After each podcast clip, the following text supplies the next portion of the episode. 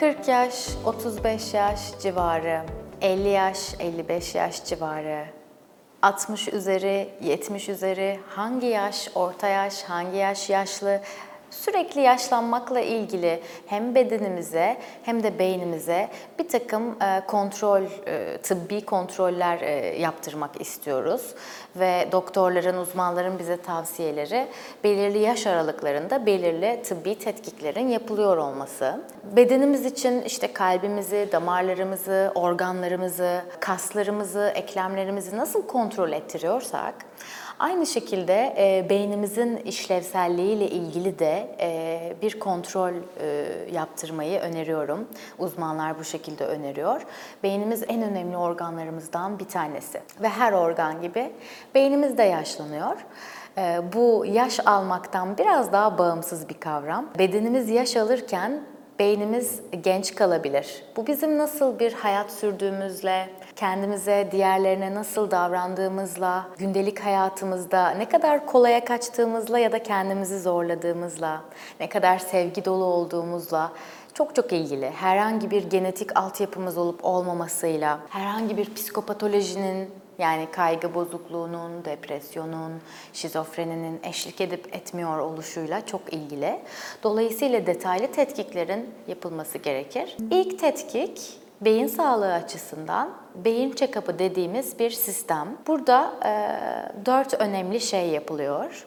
Birincisi EEG dediğimiz e, beynin elektriksel aktivitesinin yaş normlarının ne kadar üstünde ya da altında olduğu, beynin arka ve ön kısımlarındaki elektriksel aktivitenin dengeli olup olmadığı, sağ ve sol hemisferin enerjisinin dengeli olup olmadığı ölçümlerini yapan EEG sistemi. Bu bize bir elektriksel aktivite bilgisi veriyor. İkincisi MR görüntüsü. Beynin bir fotoğrafını çekiyoruz ve yine e, yaş ve eğitiminize göre e, beyin dokusunun, yapısının e, damarsal ve dokusal anlamda yaş alıp almadığına, herhangi bir patoloji olup olmadığına bakılıyor MR'la. Üçüncüsü nöropsikolojik testler.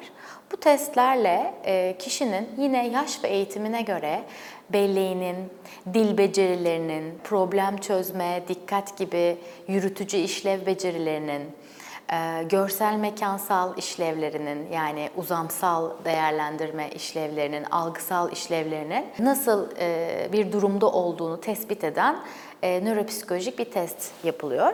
Bunun dışında bir de e, gen tarama sistemi var bu e, beyin check-up'ı sisteminin içerisinde. E, bu gen taramada kişinin genetik olarak herhangi bir nörolojik hastalığa yatkınlığının olup olmadığına da bakılıyor. Bu sistemden kaçan bir psikopatoloji ya da nöropsikiyatrik rahatsızlık olması çok zor ve açıkçası kişinin genetik geçmişine göre yani ailede bir demans problemi ya da psikiyatrik problem olup olmamasına göre 40 yaşından itibaren düzenli 2 senede bir nöropsikolojik testlerin ve görüntüleme sistemlerinin kontrolünü öneriyorum.